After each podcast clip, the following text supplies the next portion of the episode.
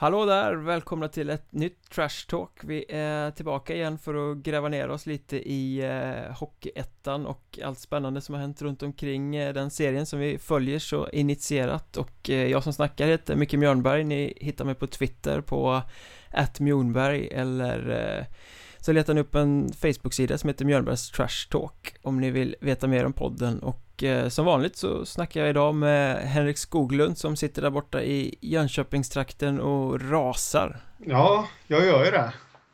Vad är det som gör det så himla rasande så, så här? Det är fint väder, midsommar närmar sig eh, Zlatan har i och för sig sagt att han ska sluta i landslaget men eh, vad finns det att rasa över? Jo, men det är väl det här, hej förresten ska jag säga Ett Hockeystaden också om ni vill hitta Henrik på Twitter Ja, precis så är det, så heter jag. Eh, jo, men det jag rasar över det är ju det här nya serieupplägget som har kommit nu. Eh, som är klubbat också vad jag har förstått det.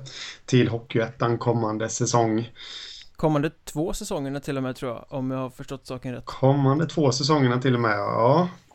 Det var en liten blodtryckshöjare. eh, vi kanske ska för formens skull eh, gå lite djupare i det här, konstatera att eh, nyheterna i nya serieupplägget Fem lag till allettan istället för fyra eh, Det vill säga det blir två allettor med tio lag i varje Och åtta lag därifrån kommer eh, gå vidare till playoff mm. Innebär att fortsättningsserien spelas på sju lag vardera eh, Dessutom så blir det en lite ny playoff-variant där eh, lagen kommer att få välja sitt motstånd baserat på ranking. Det kommer att spelas en eh, Hockeyettan-final där eh, vinnaren i Allettan norra och Allettan södra möts i bäst av tre och vinnaren går direkt till kvalserien därifrån då. Det är väl ungefär det som är nyheterna i det här nya serieupplägget. Du rasar lite över vissa detaljer i det här men som helhet vad ska man säga? Vi ska väl beta av det här lite grann, se, säga vad vi tycker om de olika delarna. Ja, som helhet så tycker jag inte att det är bra, men, men jag, jag hittar ju lite positiva delar också självklart. Och det här med att välja motståndare i playoff, det tycker jag är jättebra. Eh, mm. Faktiskt. Eh, jag tycker även att det är bra det här med att det är mindre lag som från vårserierna, fortsättningsserierna, som, som liksom kan, kan eh, gå vidare till, eh, ja, avancera hela vägen till kvalserierna. Eh, det tycker jag även om eh, jag kanske tycker att några mer lag skulle ha... Jag tycker att de, man skulle ha haft kvar det här med två lag som, som ändå får spela för kval till playoff. Om du förstår vad jag menar. Ja, för som det är nu så eh, ska ju faktiskt de här seriesegrarna i fortsättningsserierna då som får kvala vidare eh, Spela mot varandra i två matchserier. Så att egentligen är det bara två lag från fortsättningsserierna som eh, går in i det riktiga playoffet sen. Precis.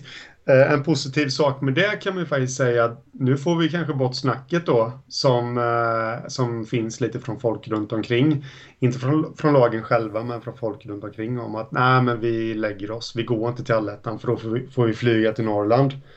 I och med att det blir så fruktansvärt svårt nu att ta sig vägen från vårserierna ända till kvalserien och sen då vidare till allsvenskan. Ja precis, den chansen är ju minimal utan kritiken tidigare har handlat mycket om ju också att vårserien faktiskt har kunnat köra om eh, allettan-lag, tre lag i varje alletta får inte spela playoff men så kommer det två från vårserien och får göra det. Mm. Som har fått en liten gräddfil och åkt igenom en mycket lättare serie på, på våren. Så att Det tycker jag är bra att man bygger bort den omkörnings eh, möjligheten om man säger så. Jag menar, du har ju helt rätt i att hamnar du i fortsättningsserien så blir det väldigt, väldigt svårt att ta sig hela vägen. Mm, Så är det ju. Uh, Men, uh, ja jag vet inte, har vi avslutat det positiva nu?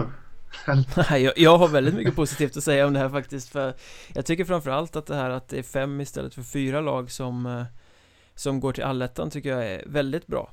Om man bara fokuserar på allettan södra och Allettan norra och inte konsekvenserna på övriga delar i seriesystemet men just det här att det blir tio lag i allettan gör att det blir ännu fler tuffa matcher mellan de bästa lagen så att det blir en ännu mer intressant serie att följa än vad det var när den spelades på åtta lag kan jag tycka Finns det 20 lag i Hockeyettan som, som du tycker kan kalla sig allettan-lag? Om du förstår?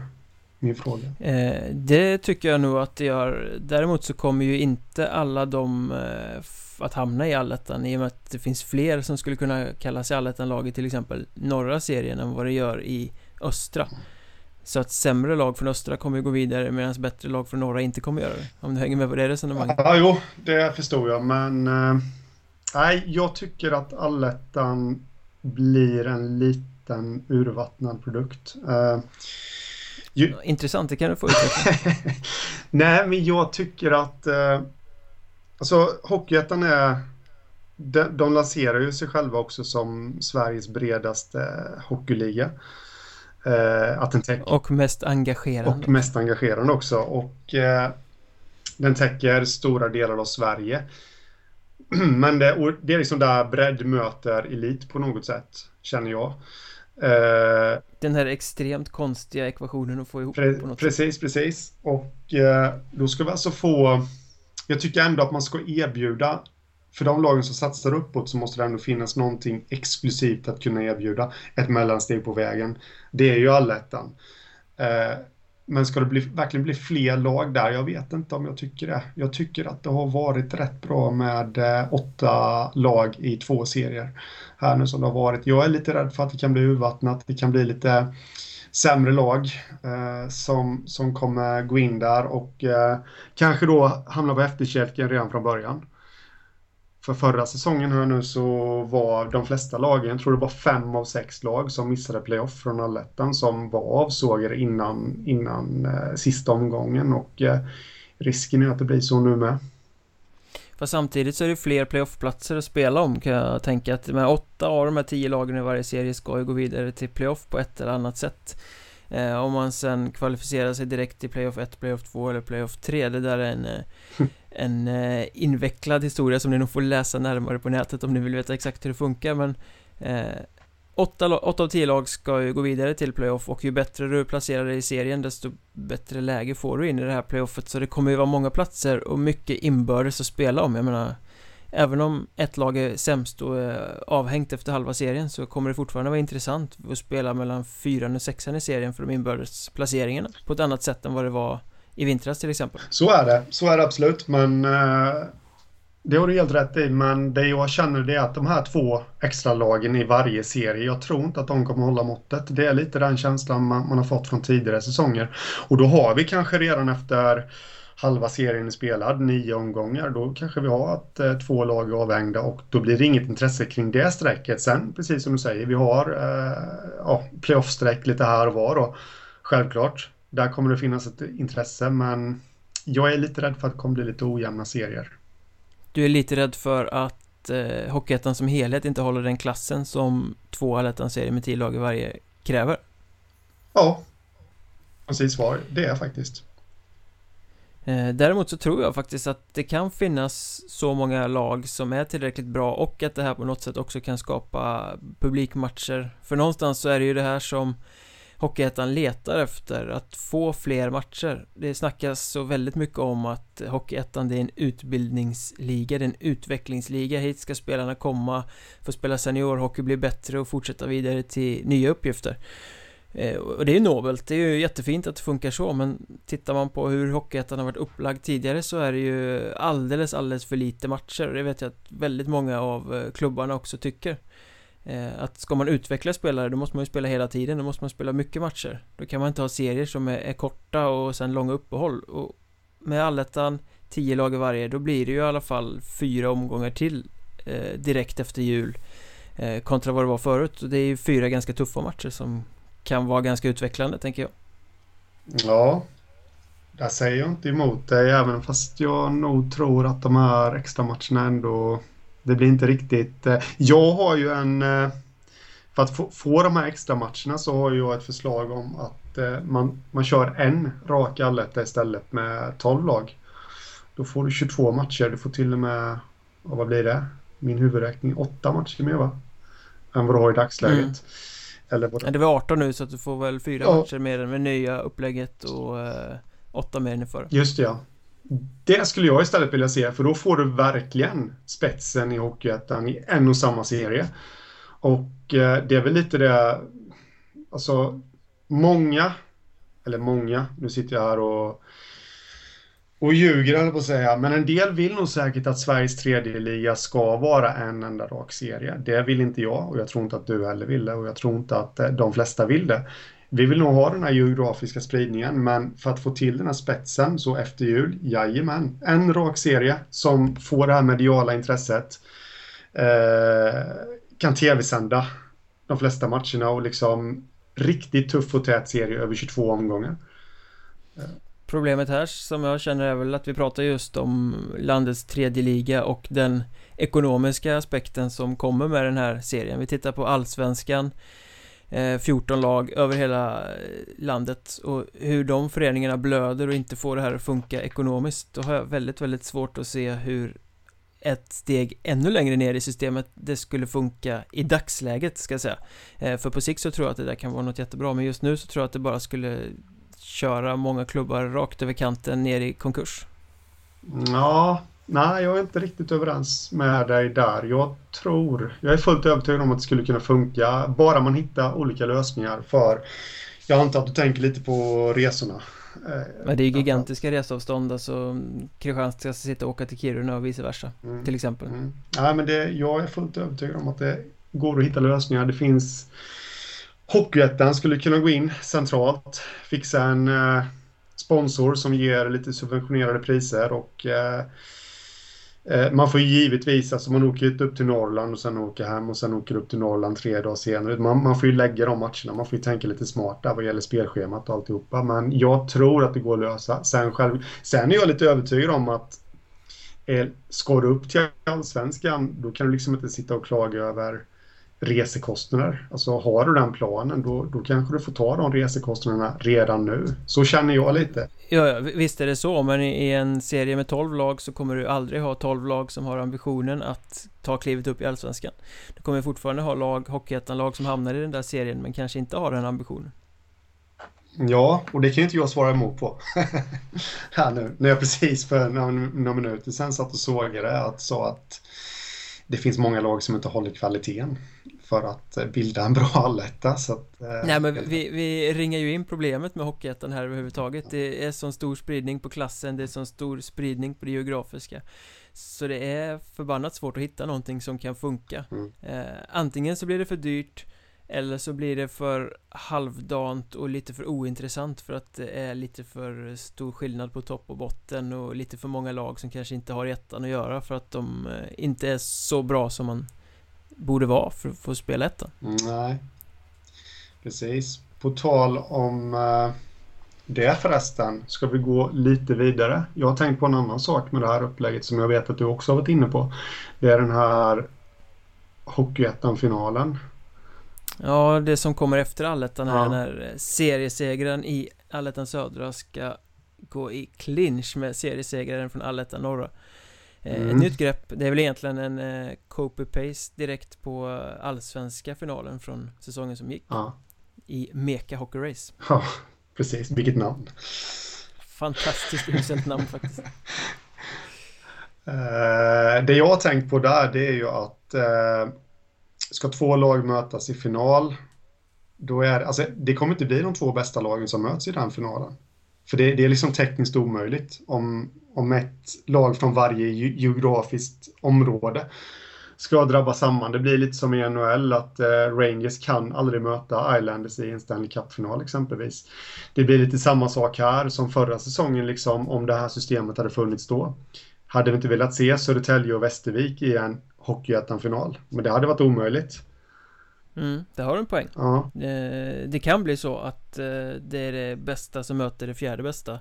Eh, men det kan ju också bli så att det är de bästa som möts. Det beror ju helt på vad det är för upplagor på, på lagen det året och det är ju lite subjektivt också vilka man tycker är bäst i och för sig. Jo, jo, precis. Men det var väl rätt självklart förra säsongen att det var Södertälje och Västervik som var de två bästa. Den kom ju etta och tvåa också i kvalserien. Ja, så som säsongen utvecklade sig så absolut. Precis, men äh, dit jag skulle komma, det, det, jag ville bara lägga ytterligare en sten på eh, det här. Mitt, äh, min argumentation om att köra en rak alletta, det är ju att ska man köra en final, då kör en final på en rak alletta då mellan ettan och tvåan och lägg en allsvensk plats i potten. Det tycker jag. Mm. Det vill säga ännu mer copy-paste på eh, Hockeyallsvenska finalen då, där är det ettan och tvåan som ger upp. Ja, precis. Min största invändning mot den här eh, matchserien är att den kallas för final faktiskt, för att det tycker jag är fruktansvärt värdelöst. Mm. Eh, för att återigen koppla tillbaka till eh, AIK Tingsryd, Hockeyallsvenska finalen i, i våras. Det var kanske den bästa matchserien på hela säsongen nästan Även om man räknar in eh, slutspelet tyckte jag i, i SHL där och att De gjorde ju upp i täta matcher, det var riktigt häftigt varje kväll Sen vann AIK De fick några alibi-medaljer Några dagar senare så inledde de sin eh, serie mot Karlskrona som de sen inte vann mm.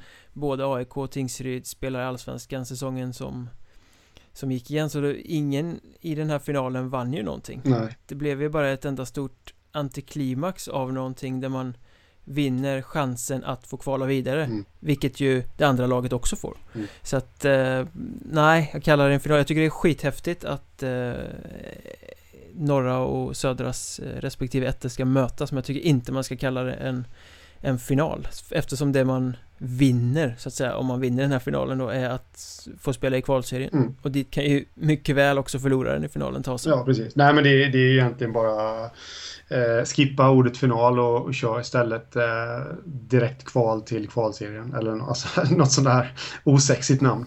Men eh, Det här är ju en alldeles utmärkt situation där man skulle kunna sälja eh, Namnet, finalnamnet till en sponsor. Mm. Det här är Volvo Cup eller ja. liksom vad som helst. Hitta en sponsor som vill köpa den matchen. Det är, det är ju det bästa Hockeyettan har att sälja egentligen. Det är den Precis. tuffaste, mest tv-intressanta matchen Hockeyettan har att sälja innan själva kvalserien till Allsvenskan. Ja. Eh, Om det nu skulle vara de två bästa lagen som gör upp. Där kan man ju vara lite oense. Det... det kommer vi få slåss om i vinter. Men någonting som vi är ganska ense om i alla fall eh, Innan vi släpper serieupplägget Det är ju faktiskt att det är synd om lagen som eh, hamnar i fortsättningsserien här. Mm, det är det. Uh, jag vet inte riktigt hur man har tänkt när, när man har ritat upp det här förslaget för att uh, de får ju bara 12 matcher. Nu, nu, vet inte jag, nu lever ju lite i olika skilda världar. Kan vi säga att uh, alla lag vill ju inte spela många matcher heller. Men de ska betala förlorad arbetsinkomst och hit och dit. Men det är ju sju lag i fortsättningsserierna. De möts två gånger, det blir tolv matcher. Det tycker jag är lite för lite. Det är alldeles för lite. Utvecklingsligan liksom. ja. Det här är ligan där vi ska utveckla spel. Vi spelar 12 matcher i fortsättningsserien. Vad är det? Ja, liksom, på sju lag där det är dessutom blir ojämna omgångar. Ett lag kommer få stå över varje gång det spelas mm. match. Det skapar förvirring, alltså här vill Hockeyettan stärka varumärket och eh, jag tror inte man kommer tappa några fans på det här men jag tror inte, eh, risken finns ju att det finns en del potentiella nya åskådare som inte orkar med det här med, jaha nej de spelade visst inte idag för då stod och de här text-tv-supportrarna om du förstår lite hur jag tänker. Ja, ja absolut. absolut. En skev bild av det här och eh, nej, jag tycker att det är väldigt olyckligt väldigt, väldigt olyckligt att det blir så här. Uh. Framförallt så, så jag har egentligen principiellt inget problem med att eh, man blir lite straffad eller vad man ska säga om man hamnar i fortsättningsserien. Jag tycker att är man bra på hösten i grundserien och tar sig till allettan då ska man ha mycket större privilegier än eh, vad man har om man spelar i fortsättningsserien. Det är inte mer än rätt. Det hör ju till ett, mm. ett fungerande seriesystem men nu blir det väldigt mycket bakgård i och med mm. att nästan inga av de bra lagen kommer vara kvar i fortsättningsserien eftersom fem från varje går till allettan. Mm. Eh, allt medialt ljus kommer hamna på allettan, de bästa spelarna kommer vara i allettan, allt intresse, så den här fortsättningsserien blir en haltande serie med nästan inga matcher totalt ute på bakgården. Um, mm. Så att det är ju liksom, hamnar man där så är man ju helt off. Ja, nej men det är precis som du säger där, det blir lite lingonserie och eh, dessutom så finns ju risken, vilken jag anser är väldigt stor, att det kommer vara avgjort relativt snabbt också. Men det är en plats att slåss om i toppen nu pratar jag om.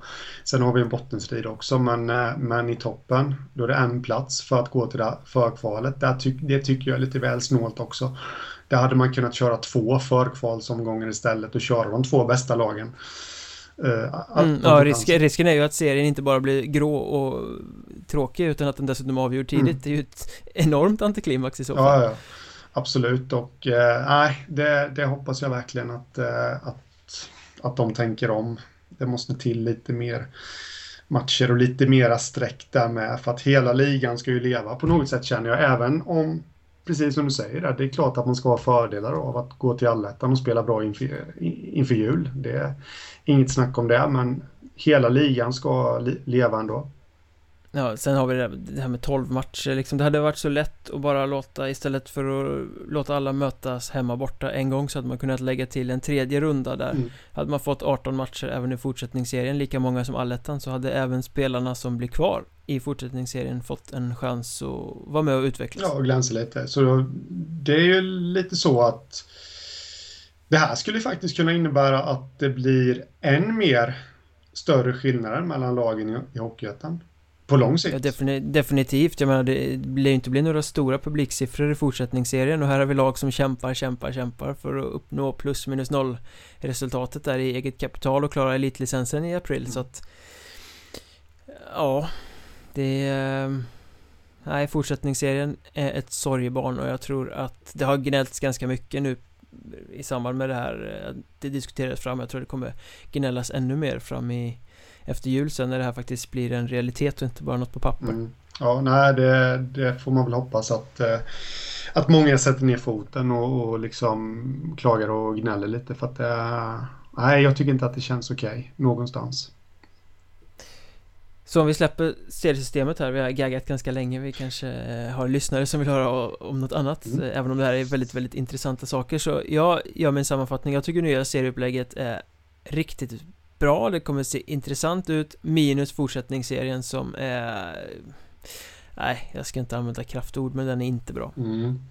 eh, Och jag, om jag ska sätta summa summarum på det här så tycker jag väl att det är mindre bra. Kort och gott. Då släpper vi det. Ja, vi gör det.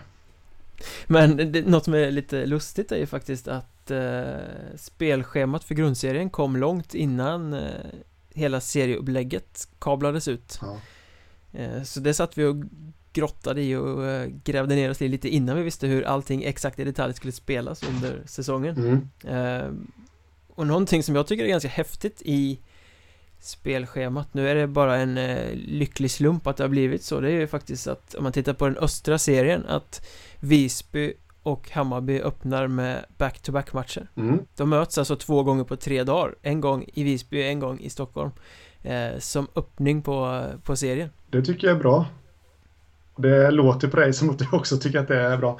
Eh, Det låter som att du dansar på moln där uppe i Stockholm. Ja, jag, jag, jag, jag, tycker att det här är en sån här liksom, Det skapar ju en nerv på ett annat sätt än vad ett det är så infernaliskt trist med sådana här spelscheman där man nu ska vi möta alla borta varannan hemma och varannan borta fram tills alla har mötts och sen vänder man och så tar man samma lag i samma ordning igen och så ah, nej, det är så stelbent gammalt klassiskt. Jag gillar mer det här när man drar nytta av eh, rivaliteter och eldar upp lite eh, olika grejer. Och just en sån sak att nu är det ju givetvis bara för att de var tvungna att flytta någon match eh, Hammarbys hemmamatch tror jag det ingår i 13 omgången eller någonting istället och har flyttats mm. av någon anledning som jag inte har luskat reda på varför men att de möts så tätt. Det blir nästan lite slutspel direkt liksom. Ja. Båda lagen tippas vara med på den övre halvan i serien och får liksom mäta krafterna direkt. Det första som händer, jag tycker det är skitcoolt. Mm. Och det laget som, om nu något gör det, går därifrån med noll poäng De har ju en uppförsbacke resten av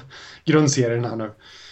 Ja precis, det gäller verkligen att pricka formen direkt det första man gör. Ja, precis. Så att um Nej, men det är som du säger, det är två lag som strävar uppåt också. Jag tycker också att det är ett eh, jättebra, nu är det ju inget initiativ utan att, eh, som du sa, en olycklig, eller en lycklig slump ska jag säga. Lycklig slump, väldigt lycklig slump.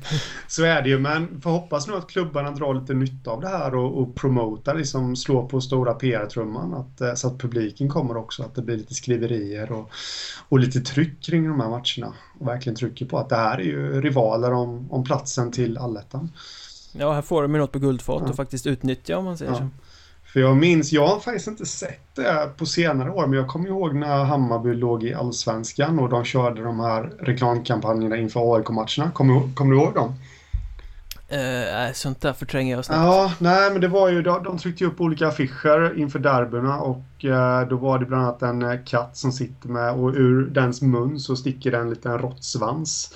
Och så här och ja, det var massa sådana här roliga liksom, grejer då som och jag tror AIK körde tillbaka också då liksom med lite roliga affischer. Det kan man ju hoppas kanske att det kommer någon, något sånt där, lite en PR-kampanj. Mm, vi får hoppas. Ja.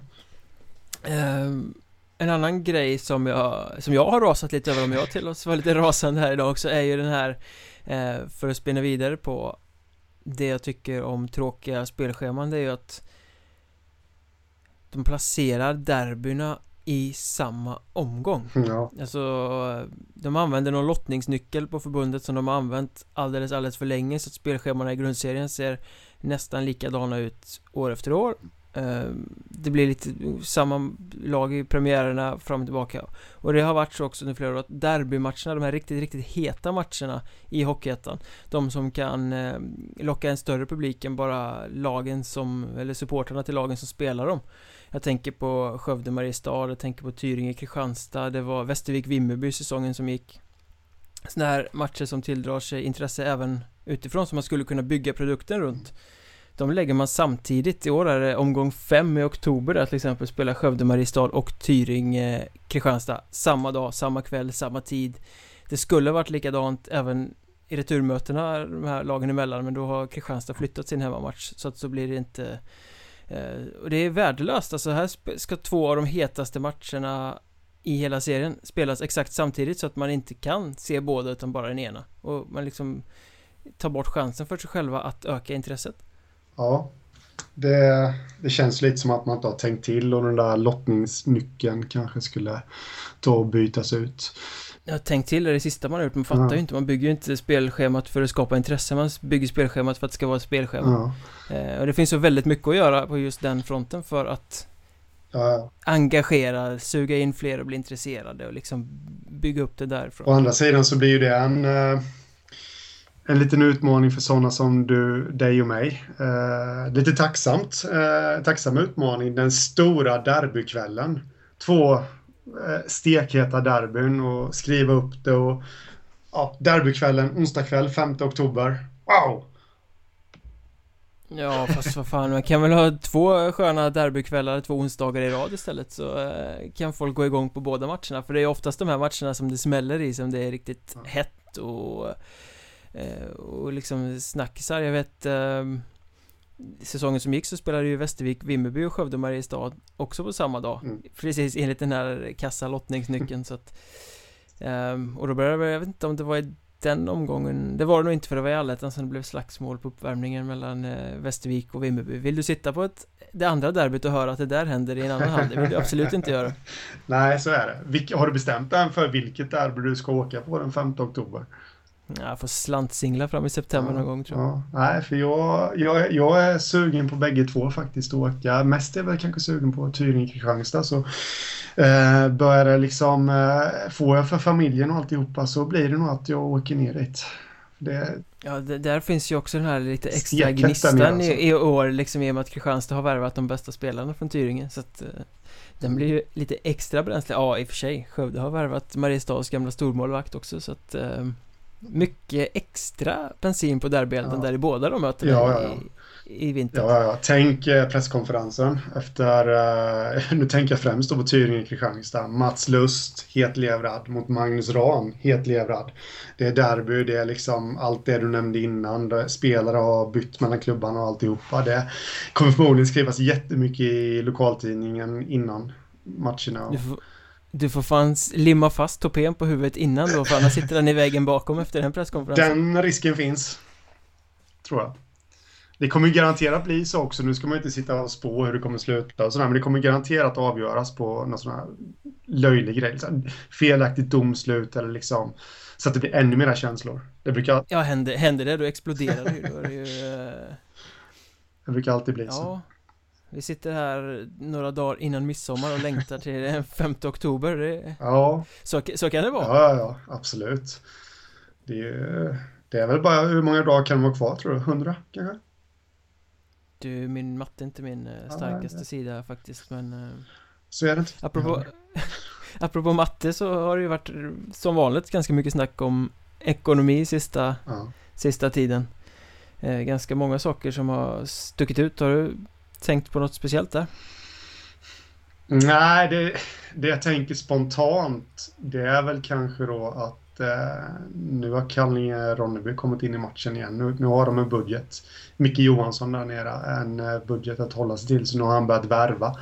Eh, vad jag har förstått det som så kommer de kunna gå in i nästa säsong tack vare, återigen, sponsorer och, och lite lån och sådana saker. Jag kan ha fattat det fel nu, men, men det är väl lite så. Och det, det är väl kanske inte helt rätt väg att gå. Det var väl några så kallade kriffvänner som eh, gick in med pengar. Oklart om det är lån som de förväntas få tillbaka eller om det i slutändan blir gåvor som de eh, inte kommer att kräva tillbaka från klubben. Det verkar ha varit lite luddigt kring det där eh, och det kommer ju påverka om de får elitlicens nästa säsong eller inte men vad man kan konstatera nu är i alla fall att med hjälp av de här pengarna så räddar de ut den akuta krisen som de hade mm. vilket gör att de faktiskt kommer till spel säsongen som, eh, som kommer och det får vi väl säga är, är bra. Ja, det är det. det är för alla inblandade så är det ju Alltså, det hade inte varit kul att ändra om i serierna här nu så som du säger innan midsommar precis och, och allt det där och lägga om spelschema och hit och dit så det, det är vi bara glada för att Kallinge fortsätter. Ja, verkligen. Det, men det har, varit, det har varit mycket snack och mycket upprörda känslor och sånt. Vi ska återkomma till Kallinge lite senare när vi snackar lagbyggen och sånt för som du säger så har ju Micke Johansson dragit igång dratt på så in i helvete skulle man kunna ja, säga till och med om man får, får svära så här i en, eh, en podd. Men han har dunkat in spelare i och parti och minut till supporternas glädje och motståndarfansens stora förtret. Hashtaggen hur har KRIF råd har skapats. Men vi återkommer till det där. Du pratade innan om eh, Du ville ha en rak allettan-serie och eh, lite likt allsvenskan och jag kontrade med hur kass ekonomi många i allsvenskan har. Och där blir ju Sundsvall tyvärr ett ganska bra exempel på hur det kan vara när det inte funkar. För de klev ju upp i allsvenskan till säsongen som gick med 600 000 i eget kapital ungefär. Backade på en enda säsong i Allsvenskan 3,1 miljoner och står nu med ett minus Eget kapital minus 2,5 miljon. Mm och måste ha nollresultat till april nästa år. Den är tuff. Mm, jag... Eh, det känns lite som att Sundsvall skapar en liten, liten hype och har ett bra lag när de ligger i Hockeyettan. Men när de väl kommer upp till Hockeyallsvenskan så följer inte hypen med riktigt. Jag kollade faktiskt lite publiksnitt. De hade 1500 åskådare i allettan 2015 i snitt på sina hemmamatcher. De hade 1295 åskådare i snitt i Hockeyallsvenskan. Så det är någonting där som när, när de vinner då kommer publiken men när de förlorar så kommer inte publiken. Mm. Ja, men, ja, jag vet inte. Är det, det alltså, jag vet inte riktigt vad som har hänt där heller för tittar man på truppen de var ju, hade ett riktigt grått och ganska dåligt allsvenskt lag tog med sig stora delar av Hockeyettan-truppen upp så det var inte så att de hade något skrytbygge heller med svindyra spelare som eh, Nej. alla Västerås liksom Nej. Något sånt var det ju verkligen inte men de måste ju ha misslyckats med att dra in pengar eller någonting Samtidigt som den allsvenska kostymen blev de eh, Den var alldeles för stor för dem De kunde inte växa i den på något sätt så att ju... Här ser du ju Man kan ta stryk av att gå upp i allsvenskan För att du kommer ner i ettan och försöka vara i topplag med så mycket minus, det är ju inte heller det lättaste. Nej, det är hård konkurrens där uppe i Sundsvall också, ska vi ha klart för oss. Du har Timrå, eh, du har GIF Sundsvall i fotbollsallsvenskan. Eh, Sundsvall Dragons, basketlaget. Och det finns ju lite sånt där. Kursar inte de? Gjorde de det? Jag tror fan det var någon basketlag som kursade. Nu är inte jag basketfantast men jag tror att Dragons kursade faktiskt. Ja, jag drog till med någonting jag kände till sedan 1994 ungefär. jag är inte så jätteinsatt i basket men... Nej, nej jag, ska inte, jag ska inte ta gift på det men, men eh, i så fall kan vi konstatera att det där med ekonomi och idrottsklubbar i Sundsvall inte är jättebra just nu. Nej, nej så kan det vara. Och, eh, men jag ville peka lite på konkurrensen där. Då kanske det inte är jättehett att sponsra stans andra lag i ishockey som, nu vet jag att Timrå är en annan kommun och alltihopa, men, men de ligger ju så pass nära.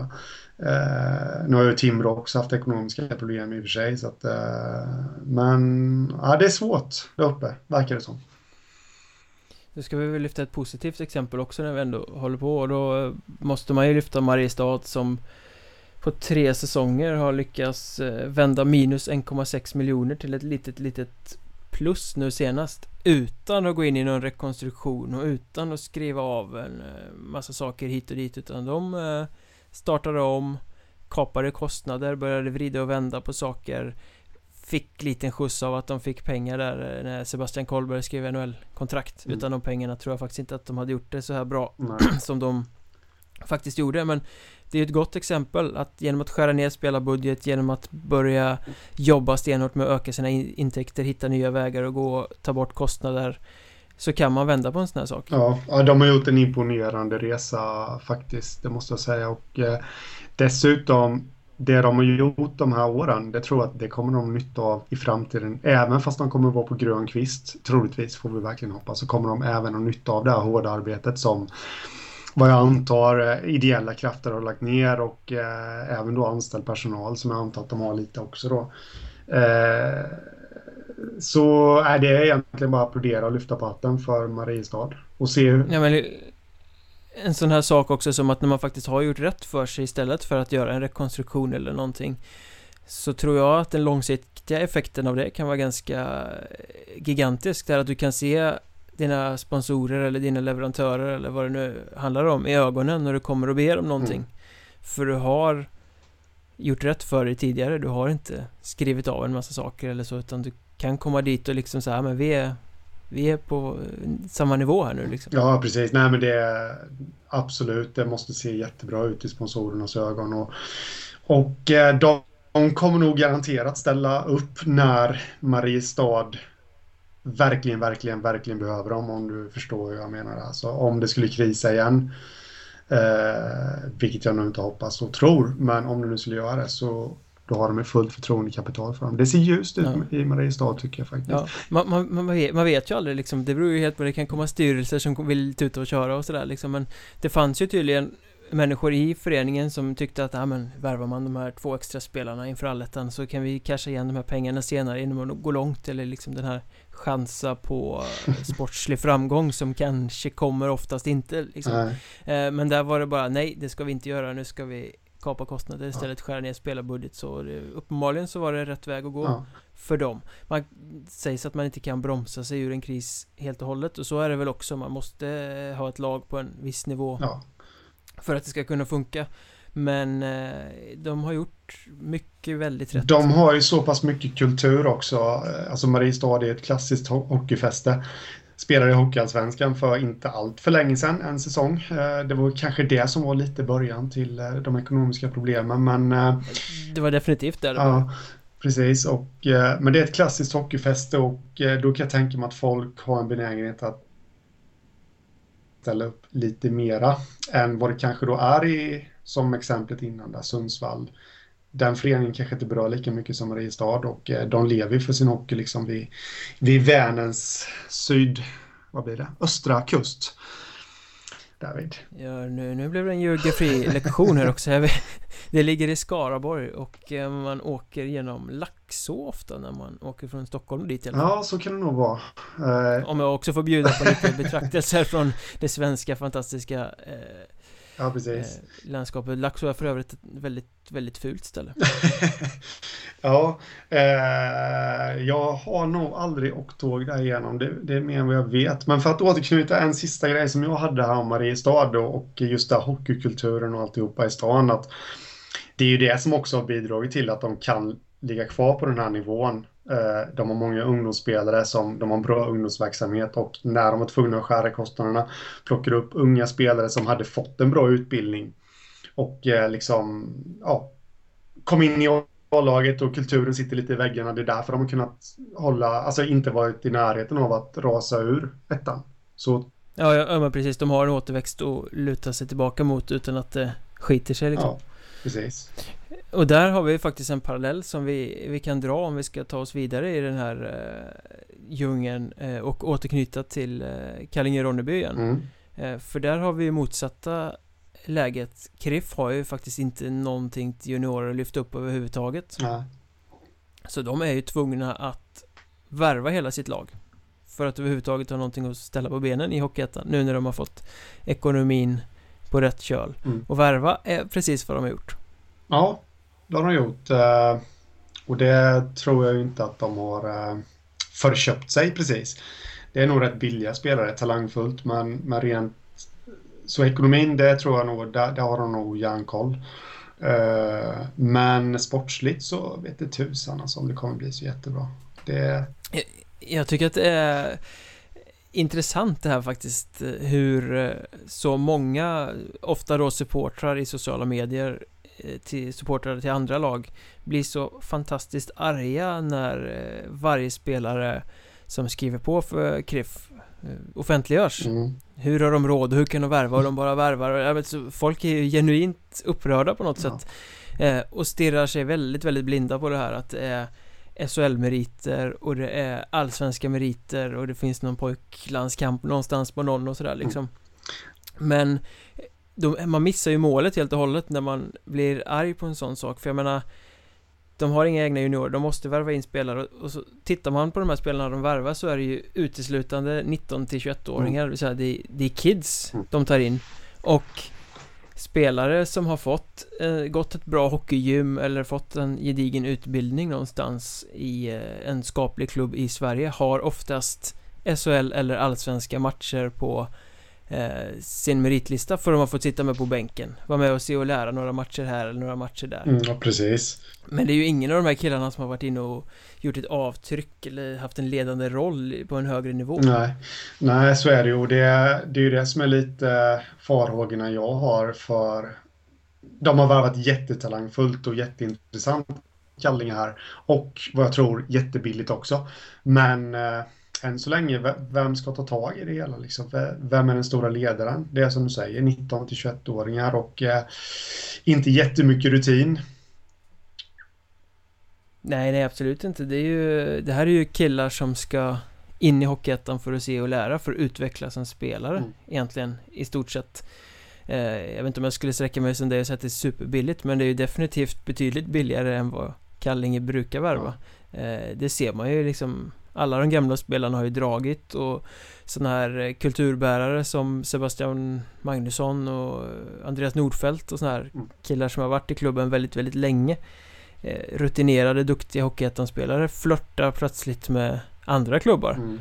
Trots att de har hjärta för KRIF och det säger också rätt mycket om att Det är inga jättesummor som ligger i Micke Johanssons eh, lönekuvert mm. som man lägger upp i förhandlingarna Nej, nej, precis. Så Andreas Dahlström förresten skulle ju vara... Har du hört något om honom? Han har inte heller skrivit på nytt kontrakt. Nej, oskrivet blad för ja. min del faktiskt. Nej, men det är något sånt de skulle behöva, eh, anser jag, för att, eh, för att ha någon som helst rimlig chans på att kunna nå allettan nästa säsong. Eh, nu har de Martin Ekström förvärv 27 år och han är väl den enda som är över 22 i resterande delen Ja, så, så, så, kan det nog mycket väl vara. Ja. Jag har inte järnkoll men men Sebastian Bengtsson tog de ifrån Västervik Han har ju visat att han är, håller för den absoluta hockeyettan-toppen mm. Johannes Nilsson också Poängstark Hämtar dem från Nybro ja, så att eh, det är spelare som i alla fall har varit med lite på På nivå Sen, som, ja. som garanterat kommer bli jätteviktiga Det som jag ska säga är nyckeln för Kallinge, det är ju Per Justereng. Ja, jag tänkte precis säga samma sak. kan, någon, kan någon få ihop det här så är det han. Alltså han kan få ut det bästa med killarna, han kan få ihop dem och få dem att, att lyda under en spelidé som han sätter ihop så att där har de ju sitt guldkorn, Kallinge skulle jag säga. Mm. Ja, det, det tror jag med och eh, det var ju precis det jag tänkte säga. Så det har, det, det har varit eh, riktigt smart utav eh, Micke Johansson, sportchefen där nere, att eh, ta in en sån rutinerad tränare som har varit elden förut och han har ju gjort bra resultat i Kallinge också. Förut. Ja, känner föreningen utan och innan också ja. så att det är bara nyttigt att få tillbaka en sån. Jag tror att det är väl han och Thomas Kempe i Skövde som är kanske inte världens roligaste. Hockey blir det väl kanske inte men eh, de är bra på att få ihop grupper och kollektiv som spelar bra. Även om det på pappret kanske inte ser jätteskrämmande ut.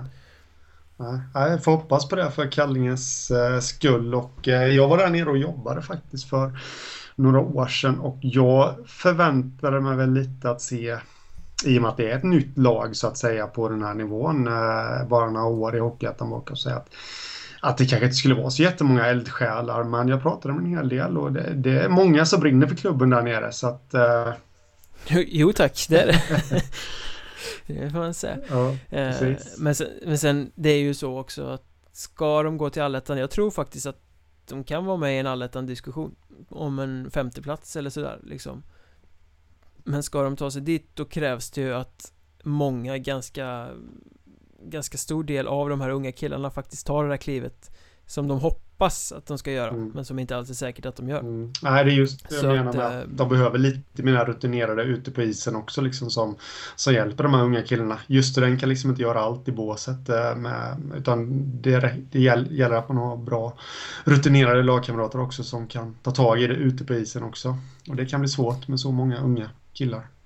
Ja, verkligen. Det skvallras ju om om en del eh, lite mer namnkunnigt folk men Vi får väl se vad det blir ja. Landar någon av dem så kommer väl hashtaggen Hur har Cliff råd att explodera igen? Vi får väl se Det lär det nog göra Apropå utveckling eh, Vi måste ju nämna Kiruna här också, mm. tycker jag eh, Det tycker jag absolut intressant ser det ut eh, Man tittar två backar som de värvade till förra säsongen Niklas Pavel och Jesper Appel Hade väl liksom hamnat lite på sidan av söderut. Inte alls varit så eh, framträdande som de nog hade hoppats. De har hamnat lite på bänken i Pavels fall till och med. Hade grymma säsonger i, i Kiruna verkligen eh, Fick världens utväxling och har dratt sig vidare, Pavel fick kontrakt i Björklöven och Apple har väl flyttat till Skövde tror jag. Mm. eh, Fått liksom fart på karriären i Kiruna Mm. Därför tycker jag det är grymt intressant nu när de inför kommande säsong du har värvat eh, Marcus Fornell, Jakob Tenemyr, Jakob Eriksson eh, Killar som har varit nere i Kriff och Tyringe och skulle få fart på karriären där men fick det inte riktigt mm. Och nu flyttar de till Kiruna Kan de göra liksom samma resa som de här två andra killarna gjorde i, i fjol? Det är inte alls samma typ av spelare men Ändå in, liksom unga killar som står och väntar på att få explodera. Ja, det är ju bara att kolla lite historiskt också det är ju väldigt många, visst nu, nu är de egna produkter men, eh, men det är väldigt många som har utvecklats i Kiruna om man ser till historien. Men, som är därifrån från början då givetvis. Men jag tror ändå att miljön där uppe är rätt. In... Det finns inte så mycket annat att göra än att spela hockey liksom, på vinterhalvåret. Det är mörkt och liksom det är, ja. Åka, åka buss? Åka buss, ja, ja, ja. nu kopplade jag. Eh, jo, det får de göra också och det kanske inbjuder lite till eh, rätt bra lagsammanhållning också. De spenderar en hel del tid tillsammans så det kan också vara en del av i den här utvecklingsprocessen som, ja. Ja, vad säger de? Närmsta bortamatch? Drygt 30 mil eller något mm. sånt där. Det är, det är alldeles, alldeles runt, runt knuten. Och så är det söderlagen som klagar över att de inte har råd att resa. Ja, vi hörde ju det vi var ju faktiskt på årsmötet eh, som Hockeyettan hade för några veckor sedan. Eh, och eh, det var faktiskt en sak som jag reflekterade över som du, som du säger här nu att det var liksom inte norrlagen som gnällde över resorna utan det var, mm, det var andra klubbar som, ja men det är dyrt att åka till Norrland och liksom bla bla bla. Men jag hörde ingenting från styrelsefolket eller sportcheferna från norr utan där var det liksom bara, ja men det är deras verklighet. Ja, men så är det. Norr har aldrig klagat. De accepterar eh, verkligheten som den ser ut och hanterar sin verksamhet därutefter på ett helt annat sätt än vad Söderlagen gör som lägger de där pengarna som kanske skulle vara lämpligt att spara i en buffert för att kunna resa. Nej, men de lägger vi på kanske någon halvdassig transatlant istället som kommer in och ska spetsa laget liksom. Ja, precis. Vad tror du om Kiruna då? Har du någon sån här Björnbergs tips här nu inför eh, 16-17? Blir det allettan för dem? Det blir allt. Jag tror Kiruna kommer bygga vidare på det de gjorde säsongen som eh, gick och var med och slåss eh, uppe i toppen där. Får väl säga, det blir en jävligt intressant serie, norrserien. Det är många bra lag. Eh, Asplöven, Sundsvall, Östersund, Kiruna som kommer vara med där uppe. Och sen måste jag väl flagga lite för Piteå också. Absolut. Som ju värvar fantastiskt spännande lyckas behålla ganska mycket bra också. Magnus Isaksson skrev ju på nytt kontrakt nu precis. Eh, förra årets absolut bästa spelare, rutinerad eh, Har spelat på högre nivå, jätteviktig för dem. Men Så värvar de Viktor Sandberg från Asplöven som har tidigare varit i Kalix och öst in poäng. De värvar Marcus Sandström som öst in poäng i Kalix. De, Som dessutom har varit i Piteå tidigare återvänder. Sebastian Harila som också återvänder till Piteå efter att ha varit i Asplöven. Så att det är ju spelare som har varit ute i norrländska klubbar och presterat eh, i, i fallet de som har varit i Kalix gjort grymt mycket poäng i fallet de som har varit i Asplöven fått mycket allsvensk rutin så att det är ju duktiga killar de får in här. Ja, det, det känns som att Piteå på något sätt alltid presterar ungefär likadant för varje säsong. Sen tappar de en massa tongivande spelare. Eh, men så värvar de nya eller gamla spelare kommer tillbaka och så presterar de exakt likadant igen. Det skulle vara kul någonstans någon gång ifall de kunde få behålla större delen av sin trupp två säsonger i rad och se vad de kunde uträtta då. För jag, jag, tror väl att med det här laget som de har på pappret nu så blir det väl ungefär kanske ja, playoff 3 igen, kanske kvalserien. Ja, som bäst har de väl varit framme där de senaste åren ja. nu i kvalserien ja. fast Sen, eh, jag tror de var där två år i rad faktiskt, mm. så slutade i botten på den. Ja, det var väl när Björklöven tror jag gick upp eh, för, när gick de upp i Hockeyallsvenskan? Ja, det är några år sedan. Ja, det är några år sedan. Ja. Då var Piteå där, var ett litet skrälgäng i kvalserien, om jag nu minns detta rätt. Och sen tappade de en massa spelare och då, då kraxade olyckskorparna. Nej, det här gör de inte om. Så gick de till kvalserien igen. Eh, så att, de, de, om vi snackar utvecklingsmiljö så gäller väl det lite för Piteå också. Ja, men sen är de duktiga på att ta fram spelare, de är duktiga på att behålla dem också. August Thornberg Stannar nu också till exempel. Mm. Eh, så att det verkar ju vara mycket som görs rätt där i och med att spelare gärna stannar och uppenbarligen också gärna kommer tillbaka. Ja Så är det och eh, Dock verkligen inte som jo Jonathan Tolander kommer stanna i Piteå, läste jag någonstans. Och det är väl lite synd. Jag tror han hade kunnat blomma ut rejält en andra säsong i den föreningen. Och han valde ju faktiskt Piteå inför 2015-16 här nu på grund av att det är en förening som har en historik av att slussa vidare spelare till högre uppgifter. Mm. De skickar Simon Åkerström till Vita Hästen och Allsvenskan nu till exempel. Mm. Inför kommande säsong. Ja. Så att, äh, det, det är en bra, bra miljö att vistas i upp. Det måste vara Palten som gör det. Eller Peter Havsbad. ja, jag tror, tror nog äh, mer på havsbadet. Ja.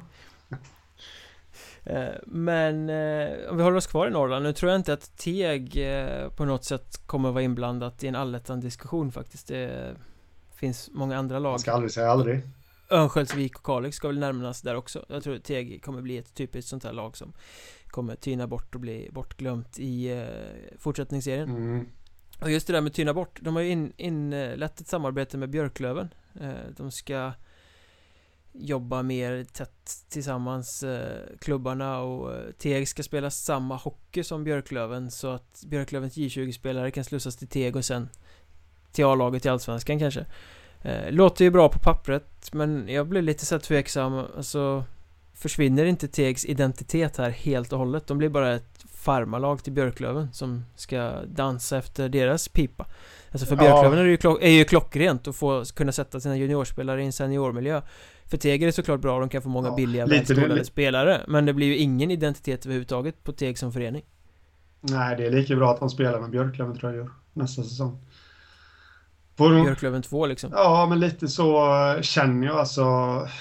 Teg måste ju, just det här med spelsystemet reagerar jag jättemycket över. Teg måste ju ändå kunna få hitta sin, nu har de ju själva gått med på det här, men eh, de måste ju kunna hitta sin egna identitet. Eh, sitt egna sätt att vara som förening. Sen kan jag köpa liksom att man kör samarbeten och, och spelare liksom eh, lånas ut. Det är ju bara bra, det är bara positivt. Men det här med spelsystem, uh, det känns väldigt tveksamt och eh, det känns inte som Teg får ut så mycket av det. Nej, alltså nu var det ju inte världens profilstarkaste förening från början men det känns som att de tar ännu ett kliv bort från att vara något eget här. Eh, sen är det klart, det är en väldigt kärv ekonomisk verklighet för den här, här klubben. Eh, det är strångt att de överhuvudtaget hänger sig kvar i Hockeyettan får man ju säga så att de kanske inte har något val annat än att göra så här.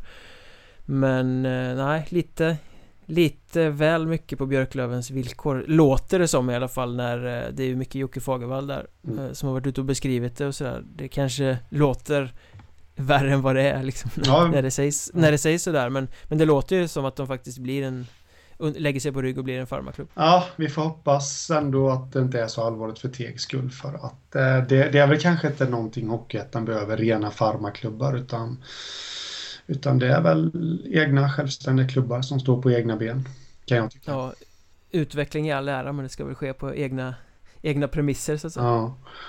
Vad säger du om Nybro då?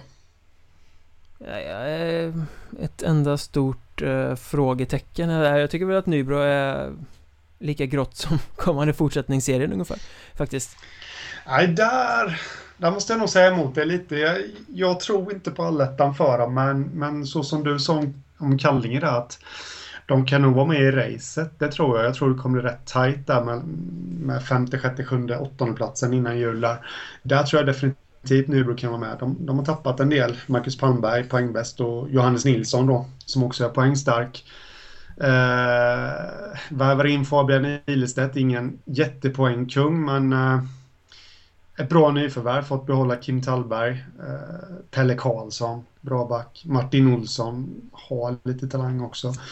Eh, det känns som att de kommer få ungefär samma lag som de hade förra säsongen och då ja, och hur färgsprakande var de förra säsongen? De var ett riktigt grågäng ja. förra säsongen som inte fick ut någon form av potential. Det har ju varit, många av de här spelarna har varit där länge, det har inte hänt något. Nej. Eh, det, det blir inget mer, det är liksom, hela Nybro står bara och trampar vatten på något sätt. Mm. Det är mm. liksom ingen framåtutveckling. Jag, jag tycker jag ser den, den, den typen av tendenser liksom. Att att en sån kille som Johannes Nilsson väljer att gå vidare till Kallinge eh, Som garanterat inte kan betala mer än vad Nybro kan. Eh, Och han har liksom känner miljön. Nu Varför vill han gå vidare till ett annat lag som dessutom har varit på ekonomisk dekis precis? Och Jonas Pontusson tycker att det är en lämpligare eh, ett lämpligare val att kliva ner till HA74 i, i division 2 än att skriva på för Nybro. Eh, För de kunde fixa ett sommarjobb åt honom där eller vad det var liksom. Så att, Den är märklig Eh, och förra året så värvade de en hel trio som hade haft svårt att funka i Vimmerby. Det funkade inte helt och hållet i, i eh, Nybro heller. Nu värvar de Rasmus Forslund som väl var lite marginalback i Vimmerby eh, Och tror att han ska vara något stort liksom så här. Jag får bara känslan av att Nybro har väldigt, väldigt svårt att landa de här starka värvningarna. Det blir liksom bara någon sorts halvmesyr det som kommer dit på något sätt. Jag har svårt att sätta fingret på det. Det är liksom inte Det känns inte som de gör någonting som kommer ta dem framåt.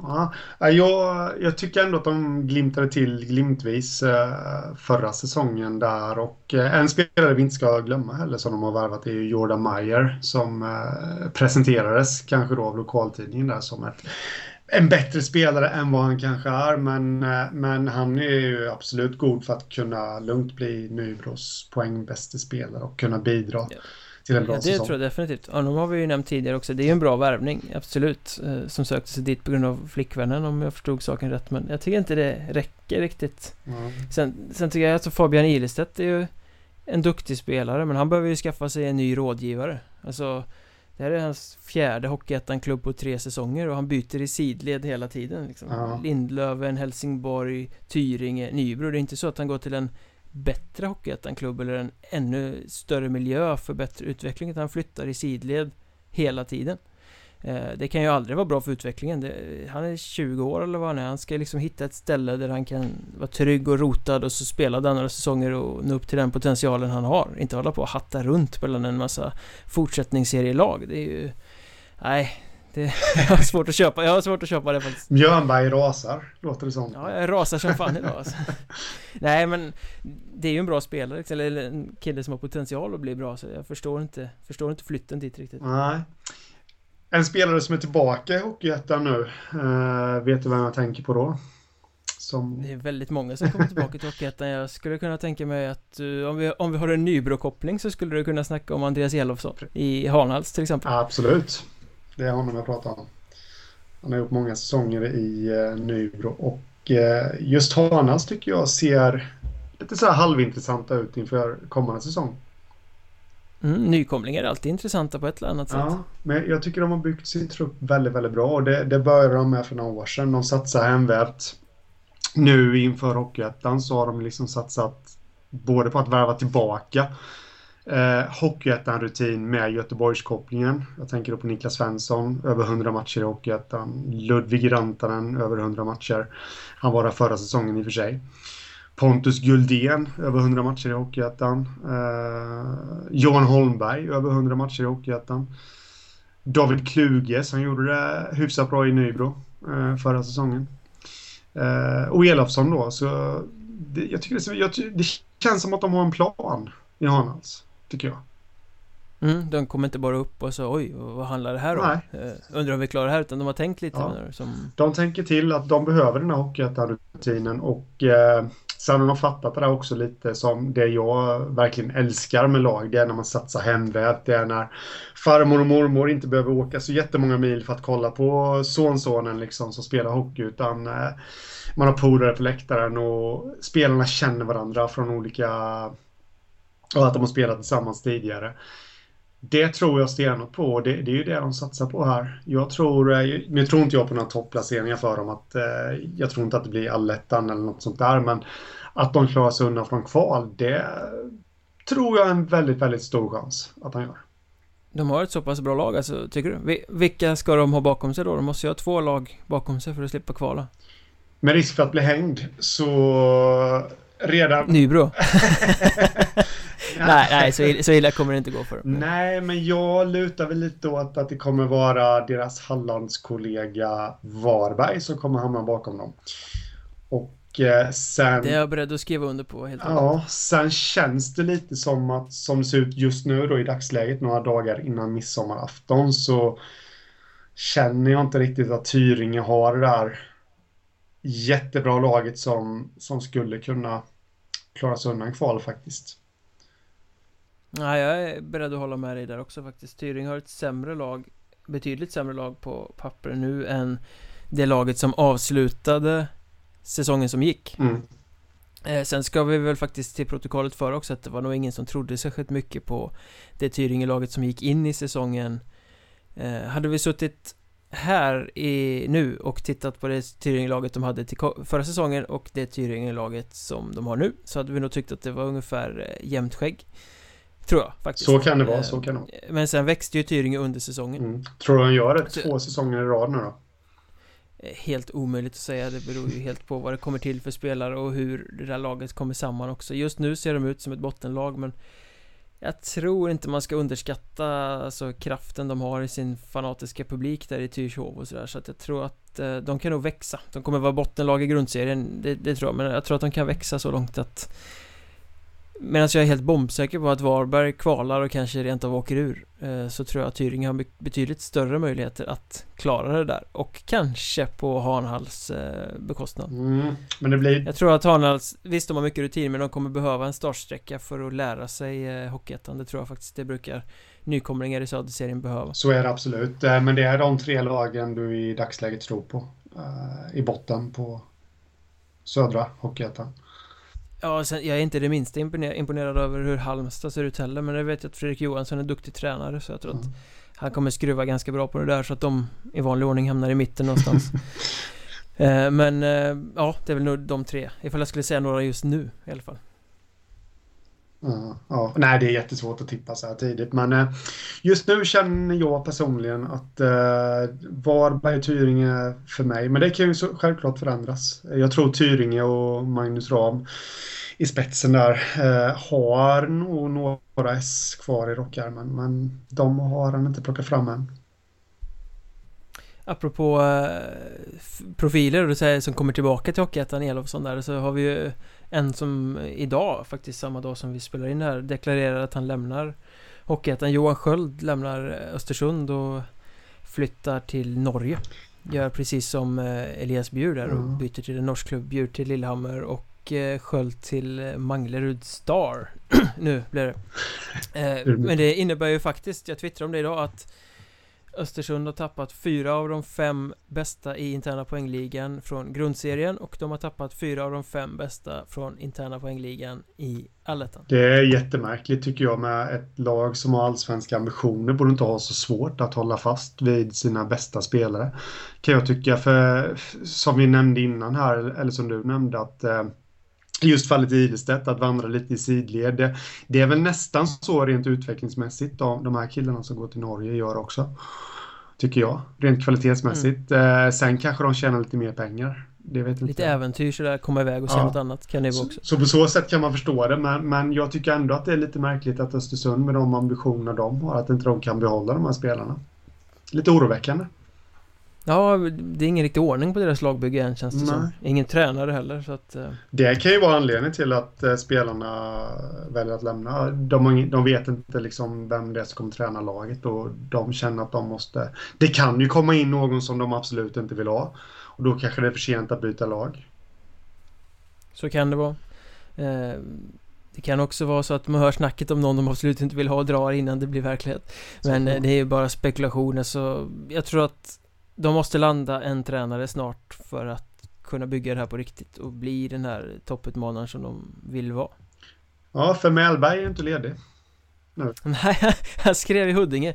Det var väl inte så oväntat va? Nej. Eh, Mellberg är arbetslös och går och väntar på att någon ska höra av sig eh, Niklas Falk lämnar eh, Huddinge, skriver på för Södertälje Huddinge har plötsligt ingen tränare Mellberg bor i en nyköpt villa bara krypavstånd från hallen Mm. eh, Oddsen på den Nej, det var rätt väntat, precis som du säger. En förening som dessutom är hans moderklubb som han känner utan och innan och som han har Ja, i alla fall mellan raderna sagt att han kan tänka sig återvända till Mm. eh, När han har haft lite äventyr ute någon annanstans Plus att han ju faktiskt har hintat om att han inte alls är blyg för att ta lite större ansvar än bara som tränare Vilket han kommer få göra i Huddinge nu så att Det kommer bli tjo och tjim och gap och skrik och sköna citat i rubriker från Björkexhallen eh, Även kommande säsong Ja, men det var bra. En sån klassisk klubb som Huddinge kan ju behöva lite, lite liksom skriverier och sånt där. Och att trä- tränare som bjuder lite på sig själva och allt det där. Niklas Falk kanske jätteskicklig tränare och sportchef men kanske inte var den som bjöd på rubriker direkt. Nej, han, hade rätt mycket rävar bakom öronen ändå Han var rätt Ja. skön på, på upptaktsträffen inför säsongen Tränarna fick kliva upp på scenen head to head Så som de skulle spela i premiäromgången och eh, Niklas Falk stod eh, mot Mats Valtin då, de intervjuades där Mm. eh, Och Mats Valtin säger att Ja, nu har vi någon träning kvar innan premiären här, vi ska träna powerplay Niklas Falk kontrar med, kan inte skita i den träningen? Så att han hade sina stunder också får man säga ja, det var, det var bra faktiskt. Eh, nej, men det kommer bli en helt annan... Sådana citat som eh, Falk levererade där, det, det kommer ju Mellberg bjuda på i en betydligt större utsträckning. Eh, tror du att det kommer bli... Alltså han har ju fått gå från både Hammarby och Tranås för att han, ja vad jag fattat som, ställer lite för höga krav. Hur kommer det funka i Talangfabriken? Jag tror att Talangfabriken är faktiskt en förening som är van vid ganska höga krav.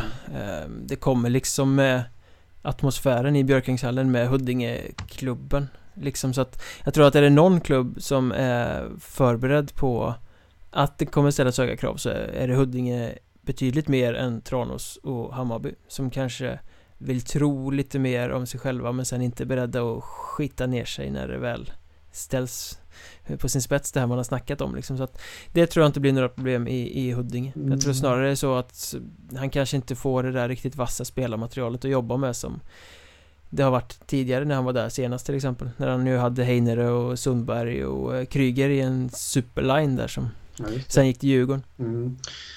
Nej, men är det någon som ska utveckla och liksom eh, få dem att träna hårt så är det väl eh, Mellberg. Absolut. Ja, hårt lär de träna Ja. Det är nog ingen som kommer, han kommer ju kunna sitta där hemma med kikaren nu också och se så att de sköter sig Som om han inte är på hallen så Nej, men jag, jag vet. Nej, så, nä så nära bor han faktiskt inte men han bor i Huddinge i alla fall. Ja, ja, ja. Nej, men då kan han skicka ut eh, närstående som spion till hallen. Spioner till hallen där ifall han inte skulle vara på plats själv. Men jag, jag vet, jag läste något. Sanny Lindström är ju från Huddinge, moderklubb där. Mm. Och han bloggade ju, har jag för mig, om det just att eh, eller om det var något tv-reportage, skitsamma, men det, det var ju stenhårt när han kom upp i A-laget i Huddinge. Det var, för att återknyta till det där med träningsmiljön och alltihopa, att det sitter i väggarna. Eh, stenhårt och det var verkligen liksom inte att, eh, att ligga på latsidan utan det var träning och då var de ju som bäst också där, eh, kanske några år efter de var som bäst, när de låg på gränsen till före detta elitserien, nu, nuvarande SHL då. Så Mm, ja, det, är, det är ju ingen slump att det är en väldig massa Djurgårdsprofiler som har nej. varit den vägen Och i laget då fanns ju också Mellberg. Eh, Så han vet ju vad det handlar om när de var som bäst, Huddinge. Det Mm. kan nog bli bra. Ja. Ja, det blir intressant att följa Ja. i alla fall. Eh, jag gillar tränare som bjuder på sig själva så att det blir ju roligt att följa Huddinge av den anledningen också då. Vad kan du om rysk hockey? Eller rysk bonkahockey, alltså lägre divisioner? Eh, inte mycket. Då kan du inte komma med någon input av eh, Nikita Davidov då som Grästorp har plockat in en målvakt från Ryssland. Nikita Davidov. Ja, det är ett eh, respektingivande namn. Absolut. Låter lite som spion. Spionfilm där. Ja, någon, någon sån här brittisk deckar, eh, kalla kriget, järnridå, nej jag vet inte men så Jag förstår precis vad du menar, John le Carré böcker liksom Ja. Nej, men det, jag antar väl att det handlar om eh, tränaren där, Sergej Jukovs eh, kontakter i Ryssland. Han har ju en son som spelar där. Det, jag kan inte se att, att en eh, klubb från Västergötland helt plötsligt bestämmer sig för att värva en spelare från Ryssland utan den kopplingen. Eh, Nej, det, det måste vara kontakter någonstans, så. Ja, precis. Nej, jag kollade faktiskt upp han- hans eh, statistik. Han har spelat i den här VHL, KHLs farmarliga och eh, enligt statistiken så har han inte gjort, gjort bort sig i KHL heller. Nej, hur många matcher har han gjort? Det är en handfull va? Ja, ja, ja det, det, det var inte bara så att han, han hade gjort några inhopp utan det var, ja, nu har jag inte det i huvudet, men säg kanske runt 25 matcher i KHL. Nej, det var så pass många Ja. ändå, alltså. Ja. ehm, så att jag inte sitter här och ljuger nu så kan ju du då så länge Mikael pratar lite så ska jag försöka ta fram hans statistik. Har du något att säga? Ja, men, ja, men jag tycker det är lustigt med sånt där för det här är ju väldigt sånt man sitter och ska ranka Hockeyettans målvakter till exempel Och det här är ju ett ascoolt namn Det kommer in en rysk målvakt som har spelat i KHL men man vet absolut ingenting om honom så man vet ju inte Kommer han hit för att käka på Donken och vara lönnfet eller kommer han hit för att satsa eller är han bra eller är han kass? Eller liksom, man vet ingenting. Det är svårt att ha något grepp om när de kommer från VHL Ja. Alltså det är inte direkt det man sitter och följer i Sverige, inte jag i alla fall. Nej, nu ska, nu ska vi absolut inte klanka på en sån för vi är ju idioter som sitter och följer Hockeyettan så det är ju Det är lite samma sak men Du fattar vad jag menar. ja, ja, ja, jag, jag fattar vad du menar. Och eh, 22 matcher har han gjort i KHL eh, för Salavat Julajev 2011-2012 och eh, Fyra år sedan alltså Ja, sen gjorde han fem matcher för, utav de här 22 matcherna så är det fem matcher från 2012-2013 för HK Atlant. Han hade 2,27 första säsongen där i, i snitt, 91,7 räddningsprocent, 3,18 insläppta mål i snitt. Andra säsongen 91,6 räddningsprocent. Sen tycker jag han har visat upp rätt bra statistik i eh, VHL här. Som sagt, nu vet inte jag styrkan på den ligan, men ser man bara krasst till räddningsprocenten så 92,7, 92,5. Det var förra säsongen det dippade lite där med 87,3. Men, men det är ju jättesvårt att bara sitta och titta på statistik liksom utan att veta. Han kan ju vara världens eh, ja, sprattelgubbe liksom i mål och bara haft tur. Det, bra försvarare liksom. Det vet man inte heller. Nej det är en här story som ska bli sjukt kul att följa när Hockeyettan väl drar igång Ja, Alltså En rysk KHL-målvakt i Grästorp ja, ja. ja. ja. Eh, jag tänkte på det innan vi började spela in här lite att min första, det är stort som du säger där, rysk KHL-målvakt i, i Grästorp, hur stort som helst. Men min första tanke var att det är väl inga ryssar som har lyckats i Sverige. Men ja, men det finns ju ändå. Eh, Alexej Salomatin. Västerås Jajamän. Eh, Ja han var rätt bra, han var rätt kast när han kom till HV sen Ja. Men han var, han var väl bra i Ja. Västerås där ett tag eh, en annan HV-spelare, Oleg Belov. Gjorde också rätt bra i HV. Spelade inte han med träklubbor rätt länge? Eller kanske alla gjorde på den tiden, jag vet inte Jag har hört någon story. Det var rätt länge sen Ja, jag har hört någon story om det där. Oleg Belov och träklubban. Men nu kan jag inte bjuda, jag kommer inte ihåg den. Ja, jag kan blanda ihop honom med Jan Redina också Så han hade väl träklubben när han var där, Ja. Tjeckien Ja, det kan han ha haft. Eh, men vi har lite fler, så det finns ju ryssar som har presterat i Sverige. Sen mm. finns det- Målvakt, målvakter det har, ja, det har vi säkert det är, Det, jag, är inte tillräckligt, jag inte tillräckligt mycket kalenderbitare för att minnas faktiskt Han är rätt kort för att vara en modern målvakt. 173 centimeter bara. Det är kortare än jag ju Oj! Äntligen får man känna sig lite lång Ja. Yes Nej, så att, eh, det, det är ju inte riktigt... Frågan är vilken spelstil han har då. Det, det ska bli jävligt intressant att se Ja, nej, den får vi följa faktiskt. En annan sak innan vi slår igen den här butiken är väl eh, Man måste ju nämna att eh, Poängkungen Bästa poängplockaren i hela Hockeyettan säsongen som gick stannar Då vet du precis vad jag snackar om Då pratar du om Tony Lagerström Exakt mm. Mannen som jag anser har potential att spela betydligt högre upp än, än i Hockeyettan och eh, Men jag har förstått det som att han har ett bra jobb Där i hemtrakterna så att eh, Att det är det som styr lite Mm, ja, ja, men absolut. Eh, det är väl så det är att han har den civila situationen där. Jag tror till och med, ja precis som du säger, ett jobb. Så han vill ju inte spela någon annanstans. Mm. Och då blir det ju Åker Strängnäs som ju byter till västserien kommande säsong. Mm. Men han är ju för bra för att spela där men samtidigt så blir han lite bromskloss kan jag känna ibland eftersom allting ska kretsa kring honom. Han ska spela allt powerplay och han ska liksom sådär så att Samtidigt som han är en fantastiskt bra spelare så står han lite i vägen för andra. Ja. Att göra, att för Åkers att verkligen blomma ut helt och hållet. Sen är det väl rätt bekvämt att spela i Åkers också för de tränar ju inte särskilt bra. Aha. Ja det, det, är mer än vad jag vet. Eh, jag, jag satt och funderade på Var det inte de som gjorde sig av med eh... Nej, det var inte de som gjorde sig av med Fredrik Orsten för att de inte... Det var Arboga. Det var Arboga ja, som inte, de ville satsa lite ungt. Ja, nej, då var jag ute på ett eh, sidospår där. Och Arbogas eh, satsning blev ju faktiskt bättre Trots att Orsten var fantastiskt ja. bra.